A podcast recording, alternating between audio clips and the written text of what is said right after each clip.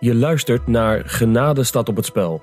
Een podcast van geloofsterusting door dominee Gert van den Brink en Marcel Vroegop.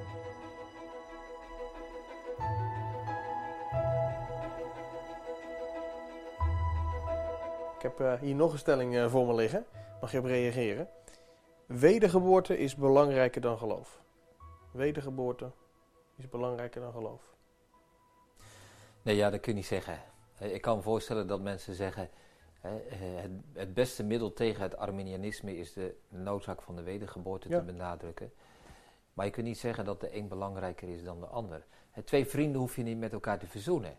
Eh, wedergeboorte is eh, het, het middel dat God gebruikt zodat wij kunnen geloven. Laat ik een voorbeeld geven. Als, ik, als ik blind zou zijn, mijn oogzenuw is beschadigd dan, dan moet die oogzenuw wordt, die moet hersteld worden voordat ik weer kan zien. Maar dat herstel van zo'n oogzenuw is geen doel op zichzelf. Het, de bedoeling is dat ik weer kan zien. Mm, ja. Ja? Of een bedelaar hè, die, die zijn hand uitstrekt om de gave te ontvangen.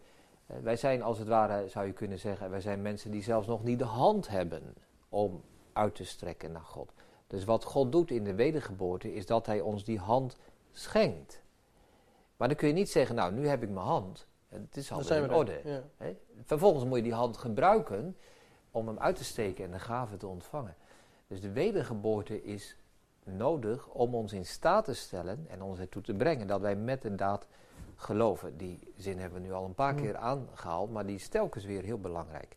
Hè? God geeft de wedergeboorte zodat wij daadwerkelijk onfeilbaar zeker zullen geloven. Dus die twee dingen die eh, horen bij elkaar.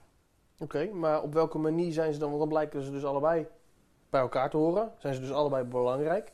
Maar zijn ze niet allebei hetzelfde? Nee. Ehm, hoe verhouden ze zich dan tot elkaar? Wat, wat, is het belang van die twee? Ja, die wedergeboorte is, hè, die staat ten dienste van het geloven. Het stelt ons in staat om te geloven. En eh, ook, hè, het is ook een bron van de heiligmaking, maar dat kunnen we nu wel even laten rusten. Maar de wedergeboorte is de bron die mensen in staat stelt om te geloven. Eh, en daarom heel belangrijk, maar nooit ten koste van het belang van geloven. Hm. Want stel dat dat zo was, hè, hè, dat, je, dat je wedergeboren zou zijn en niet in Christus gelooft. En eh, dat wij voor Gods troon komen. En dat wij rekenschap moeten geven. Zouden wij dan kunnen zeggen, ja maar hier ben ik, ik ben toch wedergeboren? Dat gaat niet. hè. onze wedergeboorte blijft onvolmaakt en blijft onvolkomen. En onze, mijn wedergeboorte, die God mij gegeven heeft, kan niet gelden als betaling voor alle zonden die ik gedaan heb. Dus wij hebben het offer van Christus nodig. En dat offer, dat voldoet voor alle zonden. En dat is de bron van heiligmaking enzovoort. Dus wij moeten, wij moeten Christus hebben. En Christus ontvangen wij niet door de wedergeboorte, Hm. maar door de hand van het geloof die die Ja. gave aanneemt. Dus er kan ook nog wel een gevaar in zitten, hè? dat je als wedergeboren mens zeg maar toch weer wat wordt met je Hm. wedergeboorte. En eh, om dat af te snijden is het altijd nodig om daarnaast te wijzen op de hand van het geloof, die Christus aanvaardt en ontvangt. En daar ligt alle volmaaktheid in. En daarmee kunnen we voor Gods rechterstoel verschijnen. En niet met onze wedergeboorte.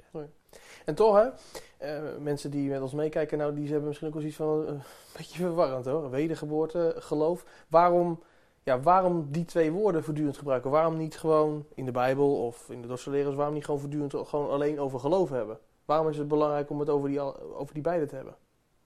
Ja, ja. Ja, de- we, ja, we kunnen ook niet de wedergeboorte verzwijgen. De Dordtse leerregels die zeggen eh, ehm, in hoofdstuk 3, 4... ehm, sommige mensen die de wedergeboorte krijgen, ontvangen, waar komt dat nu vandaan? En dan staat er, dat moet men aan God toeschrijven. Niet aan onze eigen vrije wil toeschrijven, maar aan God toeschrijven. En het woordje toeschrijven, dat is heel belangrijk. Wat dus, nou, kijk, als jij of als ik, als wij op ons leven terugkijken en ik vraag jou, Marcel, waar kwam dat nu vandaan? Dat er een moment in jouw leven kwam dat jij je aan Christus overgaf, dat jij op Hem vertrouwde en in Hem geloofde. Was dat Marcel die zo bijzonder was en die, eh, die die keuze maakte? Of zeg je, dat was God die mij dat Hmm. gaf? Ja. Dat is een hele belangrijke vraag. Ja, zeker. En de wedergeboorte onderstreept dat tweede antwoord. Die zegt dat mijn ogen opengingen, dat ik de heerlijkheid van Christus ben gaan zien, dat ik Hem heb aangenomen, dat schrijf ik niet op mijzelf, hè, op mijn rekening, Mm. dat schrijf ik toe. Aan God. En dan zeg ik, dat heeft God mij gegeven. Hij heeft mij vernieuwd, Hij heeft mij wedergeboren. Dus die wedergeboorte is dus belangrijk om volledig onze zaligheid en de eer aan God te geven. Het zegt iets over ons geloven, dat dat niet iets is wat we zelf hebben geproduceerd, maar dat het Precies. van de andere kant Ja, komt. hè, en ook op dat punt, hè, eh, het zou niet kunnen om te zeggen, nou we danken Jezus voor wat hij gedaan heeft. En, eh, maar hè, hier ben ik, ik heb in hem geloofd. Hm. Hè, daar zou nog weer de trots in kunnen kruipen. Hm. Maar dan zeggen wij, ik heb in hem geloofd en dat geloof is een gave van God, dat hij mij geschonken heeft. En Ja. dat onderstreept de wedergeboorte.